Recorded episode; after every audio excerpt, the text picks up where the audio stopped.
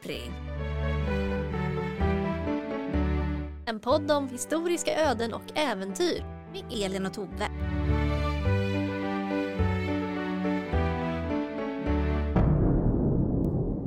Hallå, välkomna till Lappri! Hej! Här sitter vi och grejar med mikrofoner och annat. Vi tror att vi har flow, vi Ja. hoppas det. Vi har feeling. Vi har, vi har feeling, det är fredag, vi skålar i Ramlösa. Jag tänkte fråga dig en grej. Ja, Tycker du om djur? men det är klart jag gör. Inte att äta nu Elin, utan åt djur och... Alltså både och. Ja. Så jag är inte psykopat. Jo, nej men absolut, jag tycker om, jag tycker om djur. Mm. Har du haft djur någon gång? Ja, för det mesta i, i livet skulle jag säga. Har du haft något, något exotiskt djur eller är det liksom hund, katt, guldhamster? Alltså, jag har inte ens haft så exotiskt djur som guldhamster. Det är hund och katt. Och en väldigt kort tid kaninen Marvin, men jag vill inte prata om honom. Okej, vi pratar inte om Marvin Nej. på den här podden. Jag hade en eh, hamster faktiskt när jag växte upp. Ja, Eh, Men jag växte upp tillsammans med min bror som är superallergisk mot alla typer av pälsdjur. så han fick flytta. Ja, eh, det var fan på G där ett tag också. Nej, men det var liksom en karantänzon i mitt rum. Så att han, han fick aldrig... Win-win skulle jag säga. Vad hette hamstern? Den hette Mackan efter Seb Macahan. Ja, Ja. och det kom du på. Jag kom på det Okej. när jag var typ 10. För Det låter som fel generation, men eh, ja, jag har sett alla avsnitt av uh, Macahan-familjen. respekt.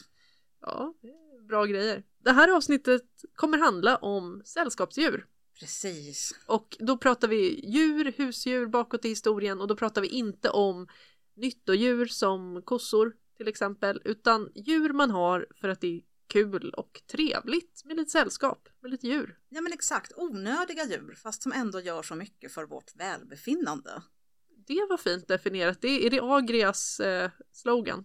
Nej, men, men det finns forskning på som jag definitivt inte kan citera nu som tyder på att, eh, att sällskapsdjur är väldigt bra för vår, vårt mentala välbefinnande. Man, man mår, det sänker stress och man mår bra av Ja, att nej, ha men- sällskapsdjur. Ja, nej, men jag har också läst det, att det ska liksom vara avstressande att ha ett sällskapsdjur. Och idag i det här avsnittet tänkte vi hälsa på våra vänner bakåt i historien som också hade sällskapsdjur. För det tror jag människor har haft alltid. Ja, herregud.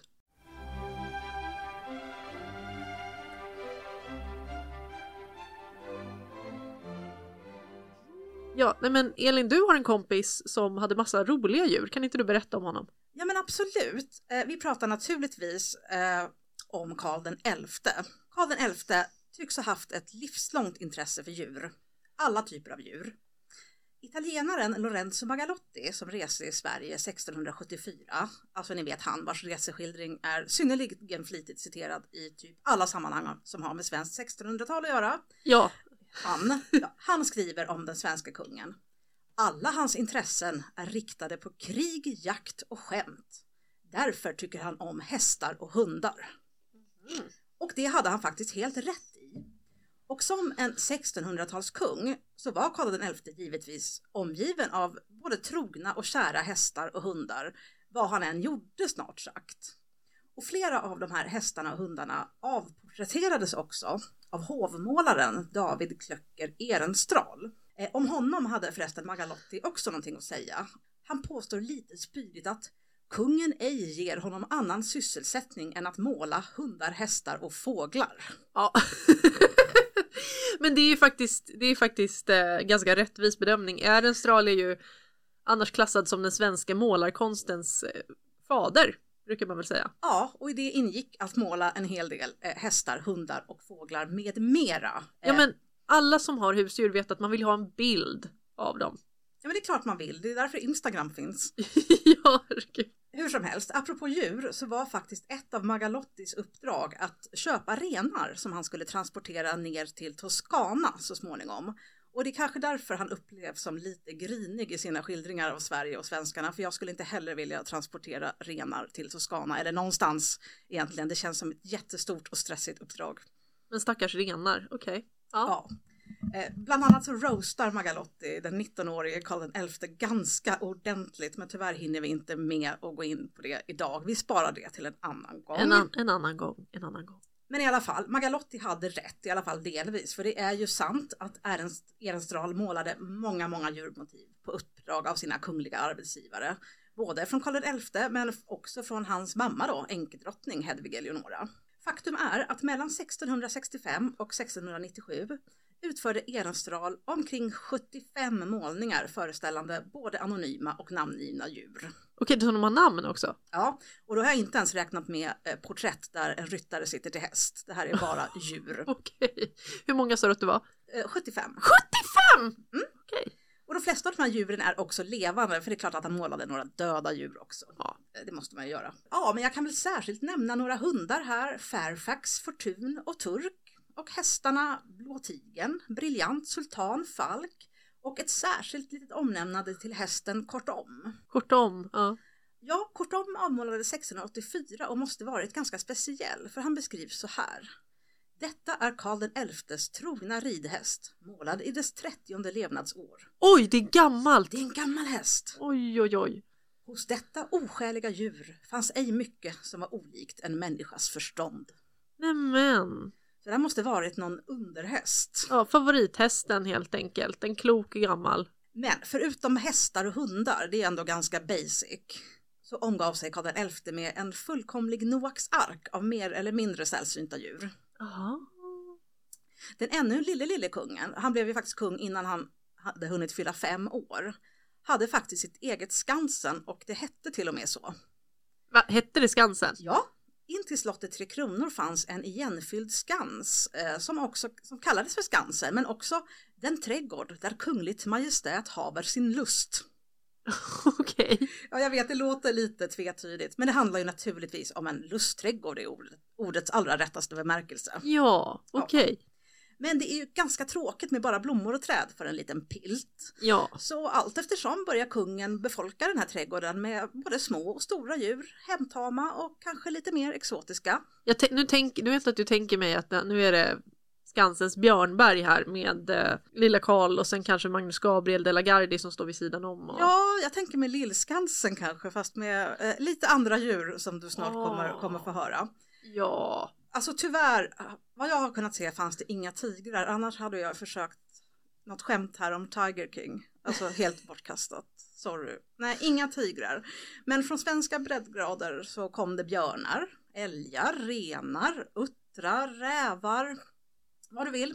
Och från fjärran stränder anslöt lite mer främmande fåglar som papegojor och apor. En markatta vid namn Sikon ska ha varit en personlig favorit hos kungen. Nämen. Ja, 1668 berättar hovförtäringen att kungens markatta har blivit utfodrad med russin. Ja, det är klart den måste ha russin. Det tycker, russin. tycker du nog är gott. Apropå markattor så var de säkert inte vanliga husdjur på 1600-talet. Men de förekom absolut i de kretsar där man gärna la lite pengar på allt som var konstigt dyrt och kom långt ifrån. Det är ju väldigt, väldigt häftigt om du kommer hem till din kompis eh, som har en livslevande liten apa hemma. Det är ju häftigt ännu idag. Ja, det är Pippi Långstrump liksom. Ja, Jag citerar. Markattar finnes mest i husen hos de rike. Den fattige, han har ej tid att sköta slike.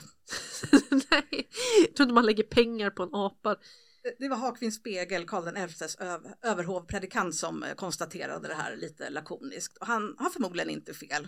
Fattiga Nej. har inte tid med markattor. Nej, nej, det är mycket skötsel där de ska tas hand om. De djur som benämns som markattor i 1600-talets herremanshus var egentligen inte markattor utan snarare någon typ av makak från Ostindien. Mhm. Företrädesvis av någon lite mindre sort eh, som är mer behändig att ha inomhus, för det behövde de ju vara för att inte frysa i det här svenska klimatet. Familjen Wrangel på Klosters slott hade åtminstone ett par markkattor på 1650 och 1660-talet och de satte man högt värde på. Mm. Äldsta dottern Juliana finns avporträtterad med en av dem Aha. och när familjen ska resa till Tyskland en höst berättar slottsräkenskaperna att man har låtit sy små lammskinnspälsar åt aporna Det är klart de måste ha om de ska ut och resa. så att de inte ska frysa på Nej, överfarten. men... Och här gör jag ett kort avbryt för lite internethistoria. Ja. Kommer du ihåg 2012? Eh, en apa iklädd en vinterjacka som dök upp på ett IKEA-varuhus i Toronto och blev viral. Nej, det här minns inte jag. Jag googlade lite, det var faktiskt just en makak. Så om ni där hemma nu googlar på IKEA Monkey tror jag ni får en ganska bra bild av hur Wrangels små markatter såg ut i resdräkt. Nej men den där har jag sett, den har jag sett. Lilla vännen, ja. Det är kallt. Ja, både i Kanada och i Sverige. Men eh, tillbaka då till Karl XI och hans zoologiska samling. 1685 är kungen inte en liten pilt längre och kanske inte har tid att leka med djur så ofta som han skulle vilja. Eh, han tycker ju också om att skjuta djur ska vi komma ihåg. Får han tid över så jagar han gärna. Men han skjuter inte på sina... Nej, det Japor. tror jag inte. Nej. I alla fall i april 1685 får hans djurgård ett väldigt sällsynt tillskott. Oh. Kan du gissa? En... eh, Det var ju sagt att det inte fanns tigrar. Ett lejon kanske? En isbjörn. En isbjörn! Åh jävlar! Ja, den har kommit hela vägen från Nova Zembla i ryska Arktis via Moskva. Oj. Den här björnen var en present från de ryska tsarbrorsorna Ivan V och Peter den store. Eh, Och kom till Stockholm med den, förmodar jag, ganska hårt prövade kommissarien Christoph von Koch som varit just i Moskva i diplomatiska förhandlingar. Eh, Nu ska du bara forsla en isbjörn över Östersjön. Ja, Varsågod. med sig hem hade han alltså en isbjörn, kanske också lite vodka och några så här ryska dockor och ge bort i souvenir. Ja, det är kul. till sina kompisar. Ja. Ja, Karl XI måste ju såklart ansett den här gåvan som överdådig för han skänker sin älskade hund Turk i gengåva till, till tsaren. Men inte innan Ehrenstrahl har fått måla av jycken 1686. Ja, det är bra. Och sen gör kungen allt för att isbjörnen ska känna sig välkommen i Stockholm. Det finns räkenskaper bevarade i Slottsarkivet för byggandet av ett björnhus. Och eh, 1686 på hösten är björnen i alla fall fortfarande vid liv och tillbringar sina dagar plaskande i Stockholms ström. Så om man bodde i Stockholm på 1600-talet kunde man få se en, en livslevande isbjörn som... Ja, exakt så. Vet du, det här är alla fördomar. Det är här den här fördomen kommer, att har ni isbjörnar som går på gatorna? Men tänk om det är så? Ja. Eh, Prästen och riksdagsmannen Olaus Bodinus som är på besök i huvudstaden berättar att han inte bara fått se en filfras, alltså en järv, utan också en vit björn som simmar omkring, fiskar och kan vara under vattnet mycket längre än vad som är normalt. Men gud. Ja. Vår goda präst konst- konstaterar att björnen inte alls har ett sådant huvud som andra björnar utan ett med längre tryne. Ja men det har de ju. Ja, isbjörnar har långt tryne. Eh, Samma år, alltså 1686, så avporträtterade naturligtvis Ehrenstrahl björnen. Oh. 116 dollar silvermynt gick det kalaset på. Sen vet vi inte hur länge björnen får plaska i strömmen, men vi vet säkert att den 1696 är stendöd, för då återfinns den uppstoppad i livrustkammaren. Aha, okej. Och där beskrivs den som en vit björn, uppstoppet, som stod när han levde för kunglig majestäts stall och flöt alltid i strömmen. Lilla björnen. Han chillade runt i strömmen, Gud. flöt, ja. Vilken fantastisk trivia.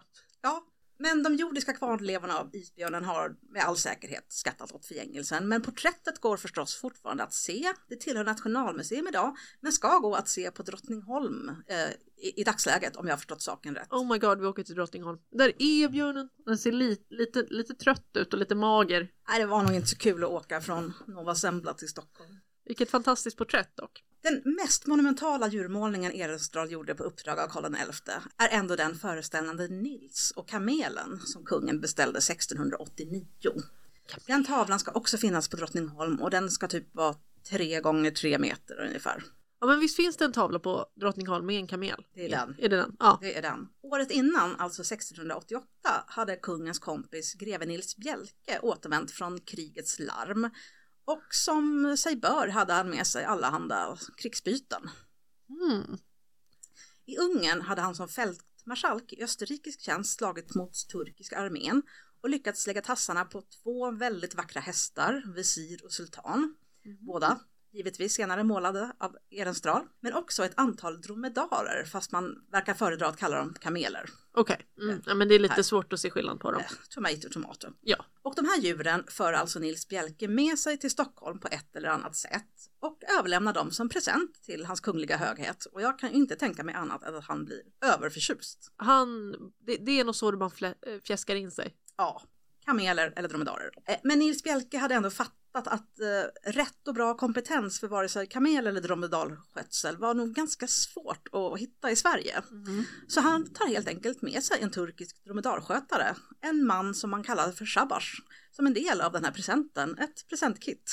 Okej, med Ja. en skötare då alltså? Ja, allt du behöver. Eh, av någon anledning vill i alla fall Karl XI inte ha dromedarerna i Stockholm utan han vill att de ska vara ute på hans älskade Kungsör som ligger ja, i Mälarens västra spets. Mhm. Så eh, Shabash får helt enkelt leda dromedarerna dit i en karavan Okej. i februari.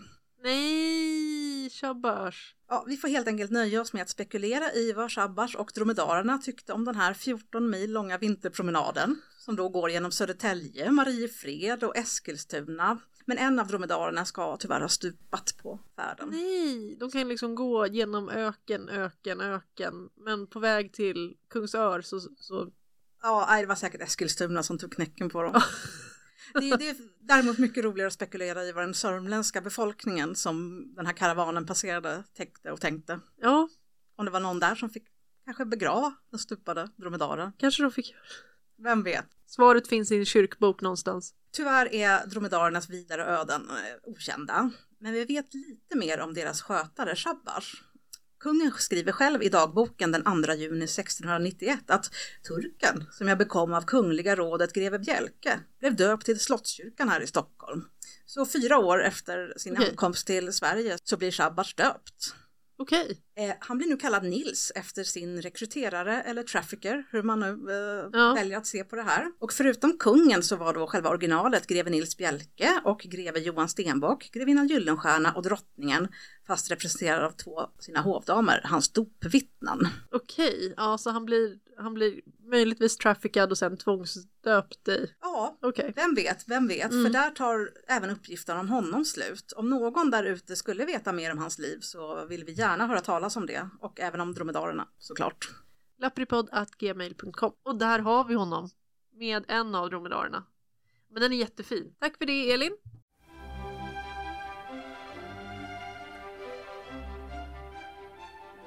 Då ska jag berätta lite om en historisk kompis till mig som också tyckte om djur.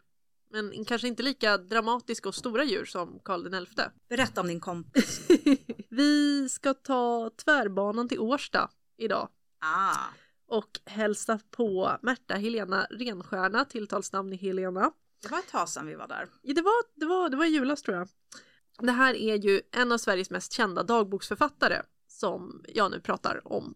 Årstafrun Märta Helena Renstjärna. Och hon förde ju den så kallade Årstadagboken mellan 1793 och 1839. Tack vare henne så vet man väldigt mycket om hur det gick till i vardagslivet på ett medelstort gods i Sverige och i den här sociala gruppen. Hon var en adelsdam.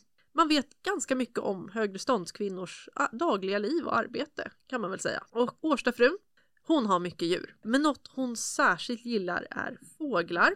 Mm. Hon är en fågeltjej. Och då pratar vi inte höns och uh, sådana Ja, nyttodjur nu, Ja, utan nej. nu är det hön, prydnadsdjur. ja, höns har hon också men hon föder upp kanariefåglar. Åh, Och hon antecknar väldigt noga hur många ägg de har fått och vilka som kläcks och hur fåglarna mår och sådär. heter de någonting? Eh, jag har inte hittat just det om de fåglarna, men vi kommer till några fågelnamn har jag. Mm. Idag ska jag prata om en lite mer ovanlig fågel som hon hade, eller den är ovanlig idag, men på 1700-talet så var det ganska vanligt att man hade en sån om man var en svensk högreståndsmänniska. Jag talar nämligen om orrar. Orrar som i skogsfågeln. Skogsfågeln orre, den lite stora svarta Ja, fågeln. men de är väl ganska stora? De är ganska stora, de är inte lika stora som en tjäder. Nej, Jag blandar alltid ihop dem med tjäder och orre, men orre alltså är en den tjäder mindre. vill du inte ha som sällskap. Hon, hon hade faktiskt några tjädrar Nej. också, men hon skriver inte så mycket om dem. Men hon skriver att nu har hennes man varit och köpt tjäder vid något tillfälle. Men det var inte tjäder de skulle äta då? Ja, det kanske det var, men eh, De Det- det verkar vara som att- ja. Alltså de, de fuck you up. ja, jag har bara sett det där virala klippet med någon stackars liten norsk pojke Ja, som blir precis, överfallen precis. av en tjäder. Och de ger sig på större än så. Ja, eh, men hon har i alla fall orrar hemma. Det här kallade man under 1700-talet för spelorre, att du hade dem hemma, för de låter ju lite mysigt. Ja men orrspel är en grej. Ja, orrspel är en grej och har man tur så får man höra den sjunga. Även i fångenskap då? Eh, ja, Ja. hennes dagbok börjar 1793. Jag vet inte om hon haft orrar innan dess, men jag kommer i alla fall börja eh, första gången hon nämner sina orrar och det är 1794. Mm. Och det här är nämligen 18 juli 1794. Då har man eh, då har Årstafrun alltid ett kalas för 18 juli är också födelsedagen eh, för hertig Fredrik Adolf. Eh, Aha! Ja, alltså Gustav den tredjes yngre bror och Karl den trettondes yngre bror ska vi väl säga också men jag tycker att det är så himla konstigt att Karl den trettonde också är hertig Karl. Jag har liksom inte smält det riktigt än. Okej, eh. men, men det ska man, var det en allmän eh, högtidsdag? Nej, bara på Årsta. Okej. Ja, eh, och han är alltså Ja, vid det här tillfället då, eftersom att Gustav III är död så är, hon riks, är han riksföreståndarens yngre bror och han är polare med henne. Han, det är hans födelsedag men det är också hans namnsdag och då firar de det eh, varje år. Det är inte alltid han är med. Eh, Men I år firar de men han är inte med. Men han är med ibland. Han kommer ut till Årsta och hänger med Ja. de här Ja. lite lågadliga. Ja, ibland Ja, är han med, men inte i år. Och det är ett stort kalas. Eh, Bellman är med till exempel, han är också kompis med henne. Ja. Och han har diktat om just det här specifika tillfället. Och då får hon en fin present från sin kompis Hanell, eh, som han heter. Och det är ett, en holländsk nejlika, vill man ha. Och sen tvenne orrar med sin vackra bur. Oj. Eh, och den här buren bars fram av två män som var utklädda till ryssar. Okej. ja, för av någon anledning så... Alltså jag ser en ny svensk tradition växa fram. Vi ska fira Fredrik Adolf den 18 juli och ge varandra orrar utklädda till ryssar. Alltså jag är på. Ja. Jag är på. Vi ses på Årstafältet Ja. 18 juli. Eh, vid Liljeholmen på högsta spetsen av Ekbacken kallar hon det här. Jag är inte bekant så mycket med Liljeholmen. Inte jag Eh, heller. nej, men ni som är det, Ekbacken där. Orrburen eh, bärs upp för hela backen av Årstafrun själv och tre andra kvinnor. Och alla män vid det här tillfället de dansar i ring runt omkring de här orrarna. Det är en jäkla miss, midsommar. ja, jag älskar det. Jag älskar det. Ja. Eh, de här två orrarna, det är en tupp och en höna. De döps till Kurre och Kurra. Och buren står förstås i fruns stora sal på Årsta. ja. Och hon är väldigt noggrann med sina orrar, eller jag vet inte, men noggrann för att vara 1700-talet och djurskötsel kanske. Men 13 september har hon noterat att hon har städat ur orrburen. Mm. Och har man fåglar kanske det ska bytas oftare än med två månaders mellanrum, men jag vet inte. Kanske inte skrev varje gång hon Nej. städar orr. Nej, det kanske var storstädning av orrburen också. Men på hösten samma år, 1794, då blir orren Kurre sjuk. Nej. 14 oktober, Orre är sjuk av diarré. Hela dagen är han ruskig och vill inte äta. Nej.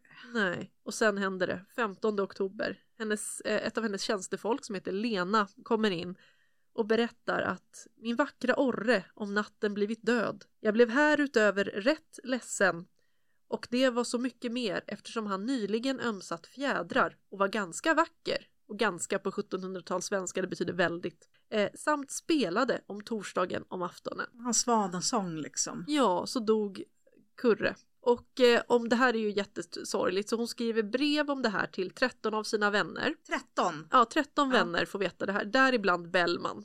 Ja. Han får ett brev om det här. Och hon skriver till sin man och sin son också. Och eh, nu ska jag citera ur brevet. Tillkännagives att rystmästarinnan von Schnells högtidligt emottagne älskade och nöjsamme Orre Kurre efter tvenne dagars mattande magplåga genom döden avled i Årsta stora sal natten mellan den 14 och 15 oktober 1794. Dess ålder var obekant. Eh, hon fortsätter. Missningen av dess vackra spel förorsakar ledsnad såväl hos änkefru Kurra, orsakar ledsnad hos såväl änkefru Kurra som Mm. dess patronessa. Sorgens beklagande mottages på vers och prosa och redan samma dag får hon en kondolians av komminister Molin som är en av mottagarna till det här. Ja. Ja. Och Molin tycker att det är jättesorgligt att eh, Kurre är död och han vill inte att frun ska sörja så han råder henne att tänka på någonting annat än att Kurre är död. Ett gott råd från en herrens tjänare. Ja, men han är inte så bra på att följa sina egna råd för att eh, han tycker att det här är så sorgligt själv så han är väldigt ledsen. Ja. Han bifogar en liten dikt och eh, kräver också att bli inbjuden till Kurres begravning. Mm. Och, eh, några- något senare hör även eh, expeditionssekreteraren Heselius av sig med en liten dikt riktad till orren Kurres änka Kurra. Ja, ja, hon behöver ju Ja, hon behöver stöd lite, lite uppmuntran i form av poesi. Men livet går ju vidare även utan Kurre och eh, den 13, 30 november så kommer ett beklagande från Hanell då, han som gav Kurre från början. Ja, Och eh, han skickar till faktiskt en nyfångad orre. okej, så han, har, han är liksom kranen om man vill ha orre i, i södra Stockholm den här tiden. Ja, ring, ring Hanell. Ja. Ring Hanell. Eh, och den nyfångade orren ärver den förres maka och bur. Heter den också Kurre? Jag vet inte, hon skriver Ah. inte det. Ja. Men den här nya orren, han är lite mer problematisk än den älskade Kurre. Mhm. För 28 december samma år så lyckas han plocka upp eh, sin burdörr och springer omkring inne på Årsta och hon, hon jagar honom. Och då ska han göra den här klassiken med fåglar att han ska flyga mot fönstret i förmak. Okej. Ja. Och hon hoppar upp och eh, lyckas ta fast honom. Men det här är en ganska stor fågel så att Ja. hon blir illa piskad av hans starka vingar Oj, oj, oj, oj. skriver hon. Så det, det är liksom det vi har om dramat med. Det kan vara jobbigt att ha stora djur hemma, det kan vara farligt. Speciellt om de kan flyga. Ja. Ja, hon har lite mer exotiska, eh, förutom de här tjädrarna som du kanske, du spekulerade Jag tror kanske nog ska att de var ätas. för att ätas. Okej, ja. Ja. Mm. Men, men, men jag tänker inte svära på det. Jag Nej, nej, jag hoppas vet. att de hade skogstokiga tjädrar som sprang runt. Och liksom, gud. Det är därför hennes son är som han är, han är liksom. ja, ja, stressad till, till halvt till vettet av tjädrar. Eh, hon hade faktiskt eh, mer exotiska fåglar, nämligen påfåglar. Åh! Ja. Och påfåglar är ju inte som orrar, de förekommer faktiskt inte naturligt i vår svenska fauna. Nej, nej, nej, okej. Nej. Och det här har jag kollat upp nu inför det här avsnittet men påfåglar kommer från Indien och Sri Lanka. Det ser man ju nästan på, på de här vackra färgerna. Ja, de kommer inte från Norden alls. Men de har funnits i Norden sedan åtminstone 800-talet för det finns eh, rester av en påfågel på Gokstadskeppet, det här norska eh, vikingaskeppet. Alltså ben eller någonting i Ben och fjädrar Det är ju det. coolt. Ja, och det hon försöker med de här fåglarna, eh, sina exotiska vackra påfåglar, det är att föda upp dem. De ska lägga ägg och få Ja. nya påfåglar. Ja, och jag kan säga så här, hon säger, jag säger försöka föda upp för att vad jag vet så är påfåglar jävligt svåra att föda upp. Mm. För de är väldigt dåliga på att ta hand om sina ungar. Okej. Och det här är bara min egen personliga erfarenhet. När jag jobbade på en bondgård där man hade påfåglar så var det liksom det ständiga att nu, nej men nu har den haft död på sina ungar. Den- Den, de tar inte hand om dem. Intressant evolutionär eh, inställning. Ja, jag, jag vet inte, men det Ett exempel på hur kassa de är är sjut- 19 juni 1797. Påfågelhörnan värper från stången rakt ner så alla äggen går sönder. Hon gjorde processen kort liksom. Så här, Ja. Nej, inga ungar här. Ja, men, men Årstafrun har ett knep. Hon försöker få en av sina kalkoner att ruva påfågelns ägg eftersom de ibland inte ruvar själv. Ja. Eh, och kalkonen gör ibland det, men vid ett, annat, vid ett tillfälle så skälper kalkonen bort påfågeläggen så att de krossas. Den vill inte ta hand om någon annans ägg. Nej. Och vid ett tillfälle så kläcks de, men kalkonen vill inte ta hand om påfågelungarna. Så då försöker Årstafrun själv lära ungarna att äta ägg och lök. Och De ska bli små kannibaler redan Ja, men, men alltså det är mycket protein i ägg och jag kollade upp det här. Eh, Påfåglar behöver mycket protein Mm. för att de har ju så mycket fjädrar och det är liksom Hon tänkte rätt där. hon tänkte helt rätt och hon bakar bröd en gång specifikt till sina påfågelungar också. Det kanske inte är så bra däremot. Nej, jag, jag vet inte. Eh, Men hon, hon, hon är Hon väldigt... försöker hon Hjärtat är försöker. på rätta stället. Ja. Den 2 augusti 1794 då är det auktion i Liljeholmen och då åker hennes man dit eh, som vi fick lära oss heter Christian men han är Mm. oftast bara omnämnd som käre far eller min man. ja. Men han åker dit för att sälja fyra kanariefåglar eh, som hon har fött upp och han köper också en påfågeltupp och två hönor. Och för dem betalade han 25 riksdaler. Och då ska vi kolla i vad kostade det, vårt favoritverk, och slå upp 1795, alltså ett år efter det här. Och då kan vi konstatera att 1795 så kostade ett får en riksdaler. Okej, Ja, det så här är... tre påfåglar så kostar 25 riksdaler, ett får kostar en riksdaler. En oxe kostar 15 riksdaler. Så det är dyra, dyra fåglar Det här. här är riktigt dyra fåglar som Christian har varit och köpt. Sen lyckas hon vid något tillfälle få faktiskt påfågelungar men då kommer hennes odugliga son Hans Abraham in och berättar att drängen Holmbergs stora katt har rivit ihjäl en av de stora och raska ungarna. Oj! Ja, så hon är jätteledsen. Och sen kommer två noteringar om påfåglar som kan vara relaterade till varann men jag låter dig avgöra om de är det. Okej. Mm. Och kanske för, kanske för dig som lyssnar också. Är de här relaterade till varandra? Nu blir jag väldigt nyfiken. Ja. 1 februari 1806. Hönspigan Anna-Kajsa har slarvat med att sköta om påfåglarna. Men Anna-Kajsa, Ja, vi har An- snackat om det här. ja. Anna-Kajsa har inte städat åt dem. Nej. Hon har inte heller lagt ut sand på golvet. Anna-Kajsa bär in den yngsta tuppen som är mycket svag och dör dramatiskt i Årstafruns armar efter 30 minuter. Att han har fått lägga i smutsig sand. Ja, och hon noterar att han var kläckt den 27 juli år 1800, så han var alltså sex år gammal. Okej, hur gammal kan en påfågel bli? Jag kollade, jag kollade upp det 16-17 år ungefär. Okej, ja. Ja. Notering nummer två. Är, hör de här ihop? Notering två. 17 februari 1806, så ungefär två veckor senare. Mm.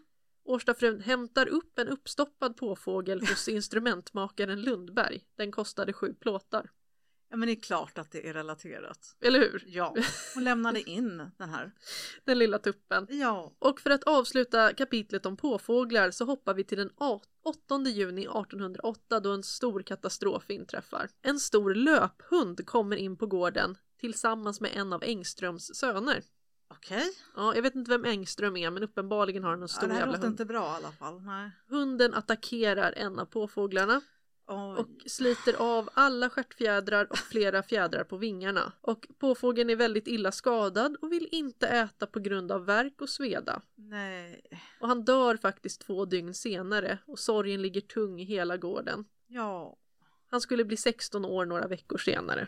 Okej, så han hade ändå nått kanske ett... eh, Det var en väldigt gammal påfågel. Ja. Men det kan ju vara ett, ett djur man har haft i så många år. De var Ja, säkert ja, väldigt visst. stolt över honom. Ja. Här, men Engström, håll koll på din hund. Ha den inte lös. Om, Nej, när du vet att det springer på fåglar. Ja, varför låter den hunden springa löst? Och det är fåglar och smådjur i närheten. Uppenbarligen Engström. Gra! Det borde vara koppeltvång på Men- Årsta. Det tycker jag. Efter det här kanske det blev det. Sen blev det kanske inga mer påfåglar på Årsta. Jag vet inte faktiskt. Hon, alltså hon, hon verkar ju älska sina fåglar. Hon hade ju fåglar hela tiden. Mm. Men eh, jag, jag, jag satte ett slags stopp där. Ja. där. Det var väldigt sorgligt så då vill jag inte läsa vidare. Nej, nej.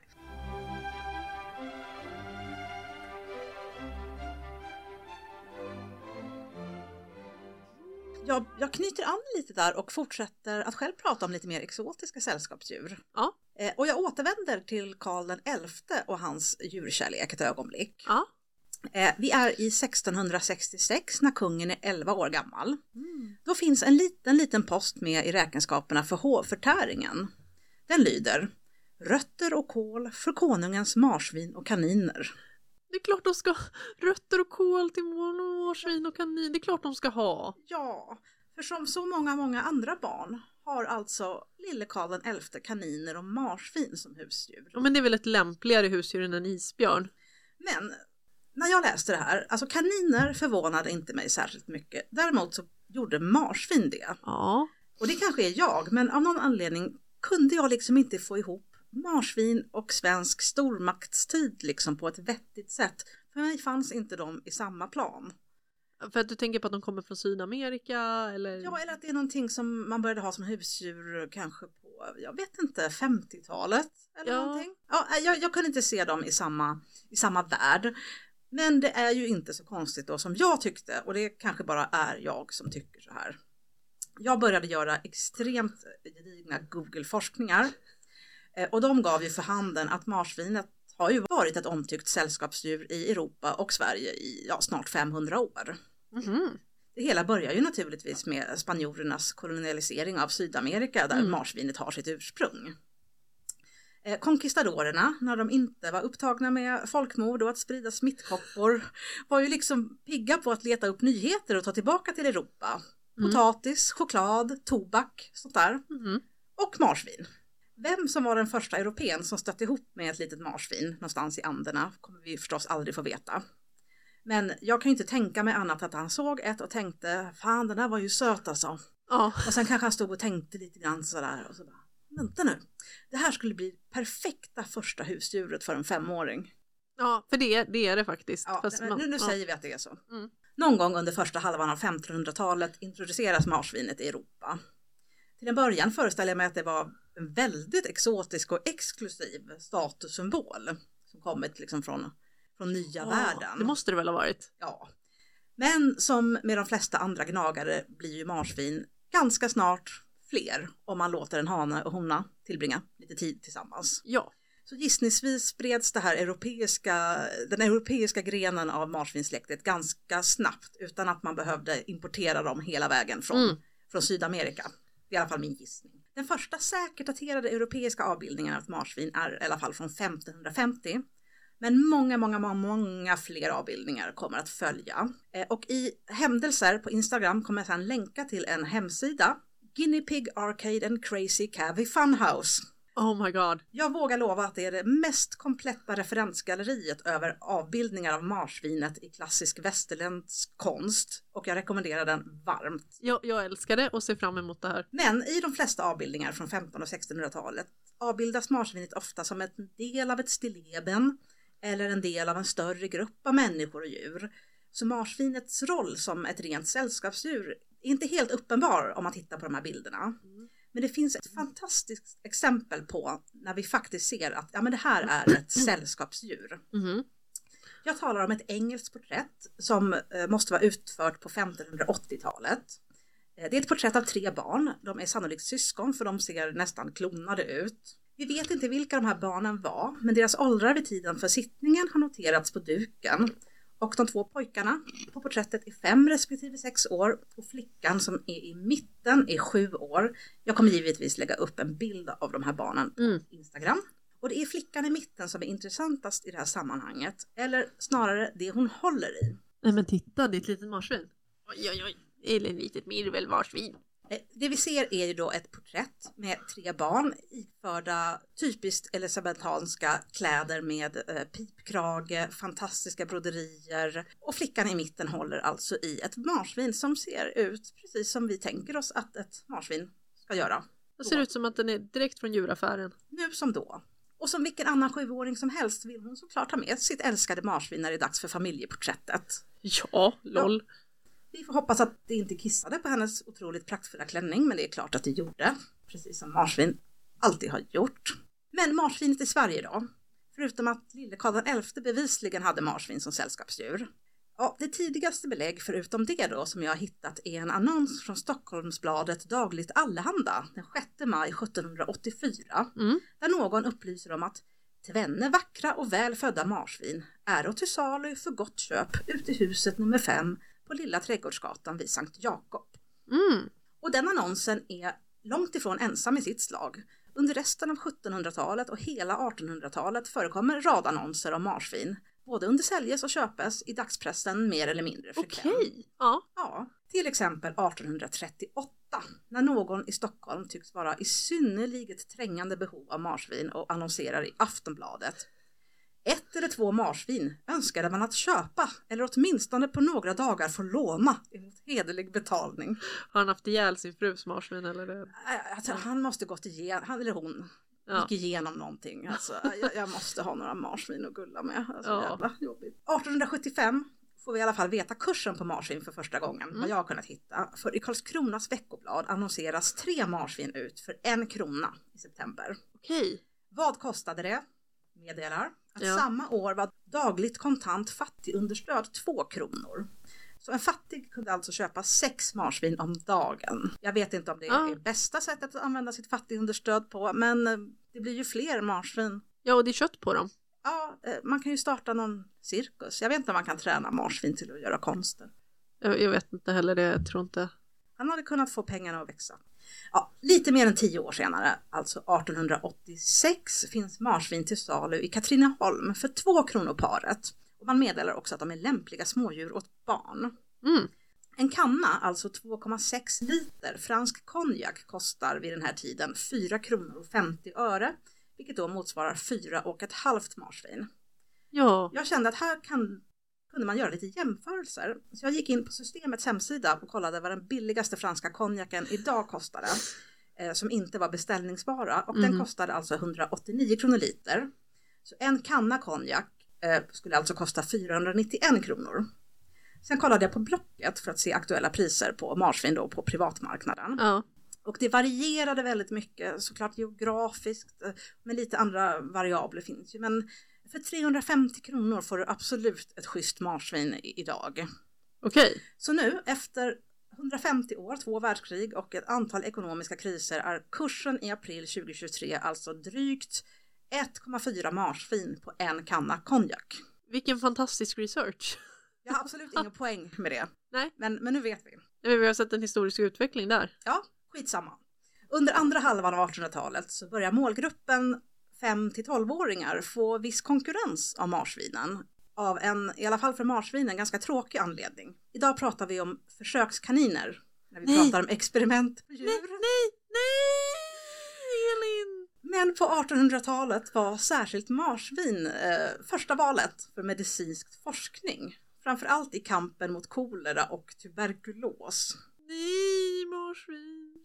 Min egen helt ovetenskapliga och dåligt understödda forskning tyder på att annonser där marsvin önskas köpa överstiger säljelsannonserna från 1870-1880 ungefär. Men jag vågar inte ta gift på att det verkligen är så och av den orsaken. Jag behöver några marsvin några dagar. Två dagar, ja. Två dagar max. Ja, innan vi lämnar marsvinen ska jag referera en sista annons. Den här är också i dagligt allehanda men från augusti 1797.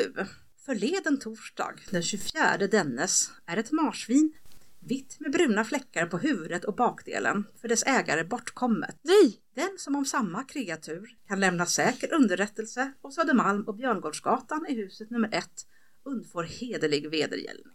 Ja, vi får ju hoppas att det här marsvinet kommer till rätta. Men Ja. jag har nu ett meddelande. Om Niklas Natt och Dag lyssnar till oss, vilket han naturligtvis gör, Ja. Så ger jag bort den här rom- romanidén helt gratis. Jag kräver inte ens cred på försättsbladet eller en dedikation, men jag ger bort idén och jag ger bort titeln 1797. En fristående fortsättning på Bellman Noir-trilogin, fast naturligtvis ur det här förrymda marsvinets perspektiv. Oh my god. Sätt igång Niklas. Ja, jag hade läst den. Och jag vill se en filmatisering. Där, där lärde vi oss väldigt mycket om marsvin, skulle jag säga. Jag hade ingen aning om att det var ett så pass gammalt sällskapsdjur i Europa. Jag tänkte att det var betydligt yngre. Jag, jag tänker 1980-tal liksom. Ja, men lite så. Eh, Och jag uppskattar att i de annonserna jag hittar så säljs marsvinen oftast i par eller fler och eh, det ska ni ta med er ni som lyssnar om ni nu blir sugna på att skaffa marsvin. De ska inte vara ensamma. Jag tror till och med numera är det lag på att man får inte ha ett ensamt marsvin. Då blir de ledsna.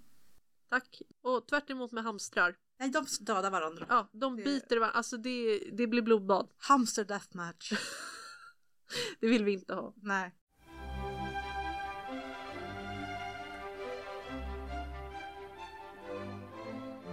Jag kommer hälsa på två kompisar nu.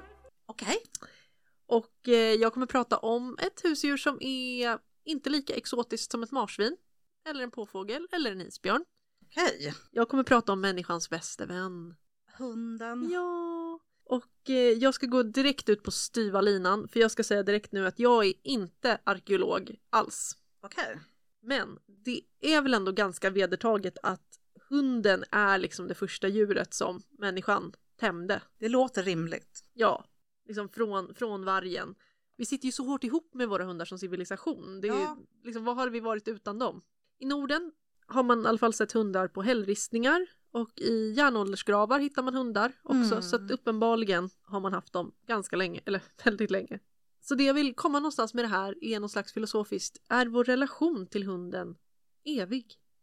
Du var ju inne lite på det med uh, selfies, målningar av små hundar, små djur. Nej men det tror jag väl. Det kan vi väl säga utan att dra på för, för stort.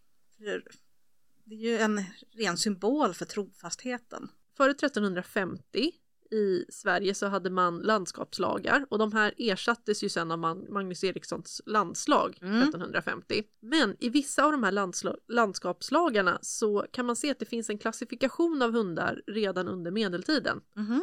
Man pratar om vallhundar, jakthundar, mjöhundar, knähunde och gårdvaren. Vad är mjöhunde? Eh, jag lyckades faktiskt inte klura reda på det. Men det jag tycker är intressant här är knähundarna. Mm. Att redan där har man någon slags litet djur. Ja. De andra är ju liksom bruksdjur. Ja. Som man har, då har har en gårdshund. Ja men precis, men en knähund har ju inte det, det är liksom en liten lyxprodukt. ja. Och hoppar vi framåt i tiden till 1500-talet, då har man börjat prata om jungfruhundar. Så alltså småhundar som ofta rika kvinnor sitter med. Handväskan liksom. Ja, men precis. Man går med dem i handväskan. Man har dem i knät och gosar med dem. Bortskämda små djur. Ja. Och det är värmande också att ha något litet levande som sitter i knät på en när det är kallt. Oh ja. Eh, jag hoppar framåt ännu mer, men eh, under 1600-talet så finns det ju ett, en sjö av porträtt av småhundar. Mhm. Man har småhundar som sällskapsdjur. På 1700-talet, det här, det, här, det här nämner jag nu bara för att, för att det är kul, men på 1700-talet så finns ett porträtt av prinsessan Sofia Albertina, Gustav IIIs syster, Mm. Med en liten, liten malteserhund som tittar upp liksom ur hörnet på porträttet. Ja. Och det är Cornelis Höjer om jag inte är helt fel som har gjort det här. Jag kommer lägga upp den på våran Instagram Ja, så alltså, det kommer se. bli så mycket bilder till det här avsnittet. Och vi kan ju inte heller gå förbi det här utan att nämna ett ganska otäckt porträtt av en eh, Karl XIIIs mops, alltså hertig Karls mops, som poserar i Rosersbergsparken av Axel Otto Mörner. Alltså Som- det är så roligt att han har en mops. Jag trodde han skulle ha lite någon så här eh, tuff hund. Men nej, Ja. mops. Karl känns som en kamphundskille Ja. som man inte kan ta hand om som man får lämna bort sen. Hans hund heter Turbo och biter allt och alla. I och för sig det kan en mops också göra. Men... Ja. Men det, det är i alla fall ett porträtt med en, en liten mops som har ganska arg, liksom lite sur uppsyn och så tittar den över axeln lite grann bort mot något tempel i bakgrunden och det, det är bara en, en konstig bild. Du skulle inte heller vilja ha Karl som hussa. Nej jag vet, jag tror han, jag tror han glömmer att gå ut med en. Ja. Men Battram gör kanske det, hans handsekreterare. ja. Vissa hundar som de här små som vi nyss har nämnt, 700 år av hundar, eh, har man för att det är trevligt och för att det är mysigt. Och då har vi ju faktiskt en tendens att förmänskliga djur, man klär på dem små kläder, ja. ja. man tillskriver djur mänskliga tankar och känslor. Min eh, en släkting till mig hade blivit vittne till hur någon stod och skällde på sin hund och bara Nej Lukas, om du gör så här en gång till då går vi hem nu direkt från parken. Det här är sista varningen Lukas. Lukas sa woof. ja, det är inte så man riktigt talar med en hund, men man tillskriver dem liksom mänskliga Ja. tankar och känslor. Är det här ett modernt påfund att göra det? Och jag skulle väl säga nej. Det, Nej, jag kan inte tänka mig det. nej. nej. för precis som Karl XIs häst där som är lika klok som en människa redan Ja. på 1600-talet. Om vi kollar på mitten av 1700-talet så har vi Carl von Linné, den gamle professorn som vill uttala sig. Mm. Och han har noterat redan i Systema Naturae, jag vet inte vilken utgåva av dem för den finns, ut, den finns utgiven i väldigt många exemplar, men den första kom 1735 och det är alltså verket där han klassificerar världen i Mm. princip. Eh, så slår han fast att eh, skillnaden på djur och växter det är att djuren känner. Ja, Det är det primära. Alltså, jag kan tänka mig många skillnader mellan djur. Jag så tyckte att det här var så himla profound. Det är sent på fredag kväll. Det är faktiskt det är fredag kväll här. Hånar du Linnés forskning? Eureka! Jag är bra nu. Jag, jag, är Är du snäll nu? jag är snäll. Är du snäll nu? Mm. Ja. Okej. Eh, de har känslor, alltså och de, de, kan både, de har både känslor och de kan också känna smärta. Och det här vet Linné, han har själv väldigt många olika djur. Bland annat har han hundar. Han har apor och han har tvättbjörnen Chup. Tvättbjörnen Chupp. Ja, vi kanske återkommer till Chup någon Vi annan måste gång. göra ett barnprogram om tvättbjörnen Chupp och Ja. Linnés Hammarbys. Ja, det är sommarlovsmorgon. Ja. Spelas in live tre gånger i veckan så är det. Kontakta oss labbrypodd.gmail.com. Ja, copyright i det, copyright i det. Även om han hade hundar så har han åsikter om hur andra behandlar och förmänskligar sina hundar. och hur intima de är med sina hundar. Han tycker inte det här är riktigt okej. Nej. Och nu kommer jag att citera. Linné skriver Det är ej nog att de klappar och smeker den. Fast hunden nyss torde ha varit på aset blir honom intet vägrat att få slicka fruntimmers händer och mun, äta på deras tallrik, dricka ut ur samma kärl, samt med tungan rensa och tvätta tänderna. Ja, mycket av det här låter ju faktiskt ganska äckligt, det tycker ju till och med jag. Ja, är Men ganska... att inte klappa sin hund, Linnea. Vad är du för... Vad är det för husse? Ja, Inte klappa hunden, men det, det är liksom ett steg mellan att låta hunden slicka rent ens ja tänder fy och fan. Ja, kan man säga stopp. Så han tycker inte att man ska gulla för mycket med hunden. Rent av verkar han tycka att det är äckligt. Ja, men jag kan hålla med honom till flera av hans punkter. En person som faktiskt vill jämföra djur och människor eh, i känslor och intellekt är Carl Gustav Tessin. Mhm. Och Tessin, nu är vi också på 1700-talet, han är en riktig storspelare i mitten av 1700-talet. Han är greve, politiker, diplomat, kanslipresident, alltså regeringschef. Och också hade han en kort karriär som guvernör åt kronprins Gustav, alltså Gustav III. Just det, alltså hans lärare. Ja, Mm. med mera. Alltså han har ett jätte, jättelångt CV Tessin Ja, som vi inte hinner gå in på idag. Tessin var också hundägare. Vi har en lyssnare som har hört av sig eh, för att informera om att Tessin hade en hund och det var en liten tax som hette Per. tacksam Per. Ja, jag tänker mig att han lämnar in den på ett hunddagis. Ja. Och bara, "Och nu kommer Per här. Han har typ så här fem A4 sidor lång lista med Pers, eh, vad Per tycker om och vad man inte får ge Per och ja, Ja, vad Per inte vill ha, vad Per vill ha och sen Mm. så struntar de bara i det och ställer, ja det stänger, klart de gör. och stänger bara in Per med de andra hundarna. Ja. Eh, och sen så står Per och piper eller något. Men han, så han är hundägare själv. Men i det här fallet så uttalar han sig inte som politiker utan som hundvän. För i slutet av mars 1757 så är Tessin ute och promenerar på sin egendom Åkerö Mm. som ligger utanför Flen i Sörmland.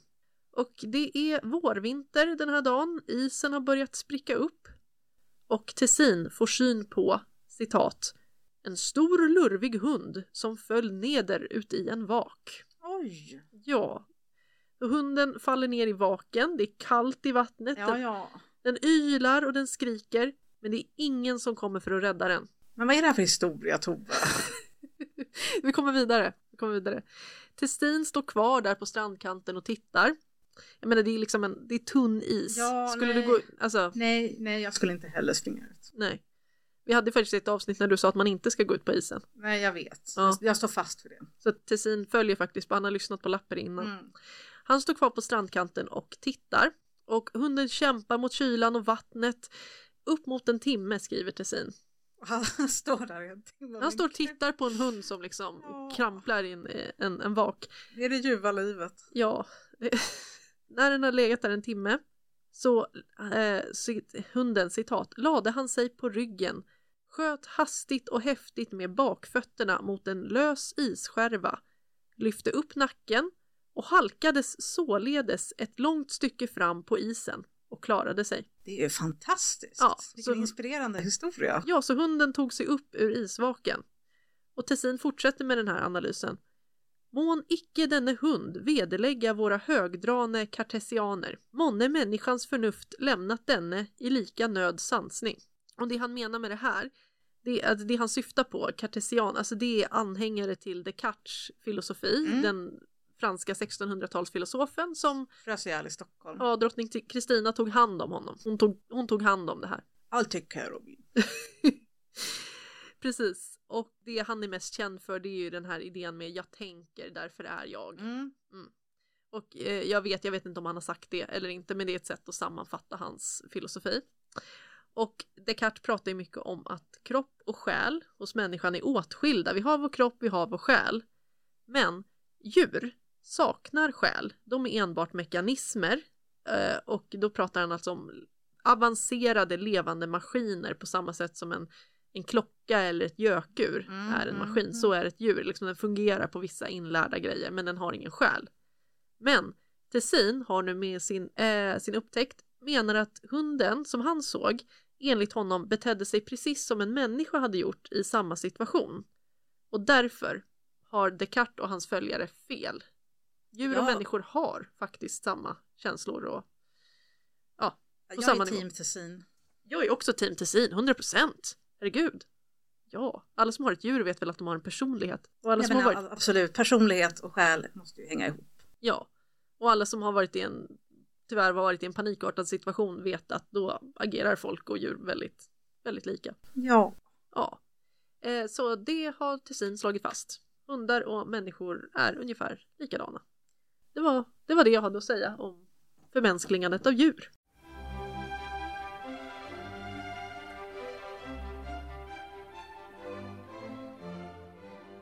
Men jag tycker inte vi är riktigt färdiga med hundarna än. Vänta. Nej, jag, jag spinner lite vidare här. Eh, och jag vänder mig för en tredje gång i det här avsnittet åt Karl den elfte. Eller kanske snarare hans mamma Hedvig Eleonora av Holstein-Gottorp. Riksänkedrottningen. Ja, hon, Hedvig Eleonora, älskade hundar. Jag vill nästan kalla henne för en crazy dog lady om jag får. Går det för sig? Det får Ja. Hedvig Eleonora blev ju änka efter Karl X Gustav tidigt. Hon var bara 24 år gammal. Åh, det är jobbigt alltså. Ja. Hennes enda barn och son var ju Karl, så han var hennes främsta emotionella supportperson. Men utöver honom hade hon ett helt litet hov med hundar som kunde fylla det här hålet inom hjärtat. Mm. Man kan i alla fall försöka. Mm. Och liksom sin son lät hon gärna Ehrenstrahl, eller åtminstone hans ateljé, avporträttera alla de här små pälsklingarna. I själva verket var det ju faktiskt Hedvig Eleonora som började anlita Ehrenstrahl som konstnär och gjorde honom till, ja, till, till hovets främsta, ja till hovkonstnären. Mm. Kanske för att han faktiskt var bra på att måla hundar. Mm. Och tack vare Ehrenstrahls målningar så vet vi i alla fall att Hedvig Eleonora bland andra hade vinthunden Grip, ett par mopsar som hette Madame och Riri, I love it, I love it. Mopsen madame. koppel med dvärgspaniel och, så, och sådana här eh, bologneserhundar. Mm. Dondon, Nespelina, Gredlinetta, Plessir och Busse. För att nämna några. Eh, Ett porträtt av Courtisan kan man se på Gripsholms slott idag och möjligen på flera andra ställen för eh, Ehrenstrahl målade 1672 av det här lilla djuret sju gånger. Åh gud, det är någon favorithund alltså. Ja, nu var kanske inte hon så crazy att hon behöll alla de här sju tavlorna och hängde upp dem i sitt sovrum.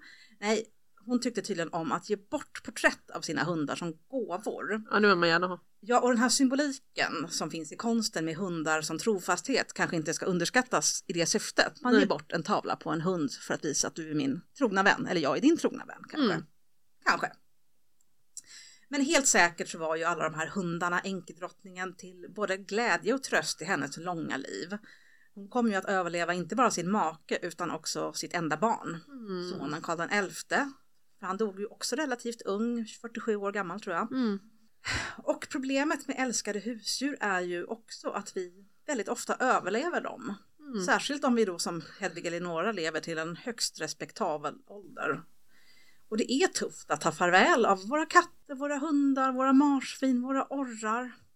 Men ett sätt att bearbeta sorgen, som jag i alla fall tänker ta med mig från Hedvig Eleonoras filosofiska skola, är att beställa en gravdikt till djurets minne när det dragit sin sista suck. Oh. Ja, men lite som Märta Helena Ja. bad sina vänner att göra över orren. Och vi känner till åtminstone två sådana dikter över Hedvig Eleonoras hundar. De är båda författade av Erik Lindsköld. Erik Lindsköld var son till en smed och borgmästare i Skänninge och han gjorde sedan kometkarriär och slutade som greve och kungligt råd bland mycket, mycket annat. Han hade nästan ett lika långt CV som Tessin skulle jag säga. Det är ju ett väldigt imponerande CV. Han var lärare åt Karl X Gustavs utomäktenskaplige son Gustav Karlsson och följde med honom på en tio år lång Grand Tour i Europa. Gud vad jobbigt. Där han kom i kontakt med fransk kultur och var en av dem som bidrog till att det tyskinfluerade svenska hovet fick mer smak på det franska. Så Lindsköld var alltså berest och bildad och lämpligt nog också litterärt lagt, vilket säkert var en av anledningarna till att han uppskattades av Hedvig Eleonora, som vurmade för konst som vi märkt och litteratur och kultur i, i många former. Lindsköld brukar kallas Sveriges första hovskald och just hyllningspoesi till de kungliga högheterna stod ju väldigt högt i kurs under stormaktstiden. Eh, och också hyllningsdikter till kungliga djur. Gravdikter till små knähundar eller andra djur var inte heller alls unikt för Hedvig Eleonora utan förekom i många europeiska förstehov och går därtill tillbaka på en antik dikttradition som tidens hovpoeter gärna spann vidare på. Mm. Det, här, det här var någonting man kände igen. Mm. Så kort sagt tyckte ingen att det var konstigt om en enkedrottning ville ha några nätta dikter till äreminne över sina bortgångna fyrbenta vänner. Och om drottningen befallde var nog Lindsköld bara alltför glad att tillgodose hennes krav. Mm. Som sagt, vi känner till två gravskrifter över hennes hundar. Den ena är epitafium över hennes majestät enkedrottningens hund Epelin som ligger i trädgården på Ulriksdal begraven. Men lilla Epelin. Ja, Epelin kan vara densamma som den Nespelina som Ehrenstad avbildat. Tyvärr är varken dikten eller porträttet daterade så vi kan inte riktigt eh, säga säkert att det är så. Och tyvärr Mm. vet vi inte heller var i Ulriksdals slottspark som lilla Espelin ligger begraven. Mm. Eh, och tyvärr får vi nog heller aldrig säkert veta om lilla Belle Amour blev avporträtterad. Belle Amour! Nej, in- Vilket namn! Ja, inget av Ehrenstrahls hundporträtt uppges föreställa en hund med just, nam- med just det namnet. Men vi kan nog ganska säkert utgå från att Belle Amour var en älskad liten vän till enkedrottningen. För den andra bevarade gravdikten över hennes hundar är just tillägnad Belle Amours saliga minne. Åh, Belle Amour har dött. Ja, Nej! så jag tar tillfället i akt nu att tacka för oss, Lappri, och avsluta programmet med gravskrift över enkedrottningens hynda Bella Amur. Här ligger avliden och svept i siden, jag Bell Amur, en liten en täva, fög större än en näva, dock tjänte jag frur, ej mera begärte än magen förtärte, det var all min bön. Därföre till ära jag månde hembära vit fin siden till lön. Ni har lyssnat på Lappri, en podd om historiska öden och äventyr. Vi som har gjort podden heter Elin och Tove. Ni kan följa oss på Instagram på lappripodd, besöka oss på lappripodd.se och om vi hade väldigt fel kan ni mejla oss på lappripodd@gmail.com.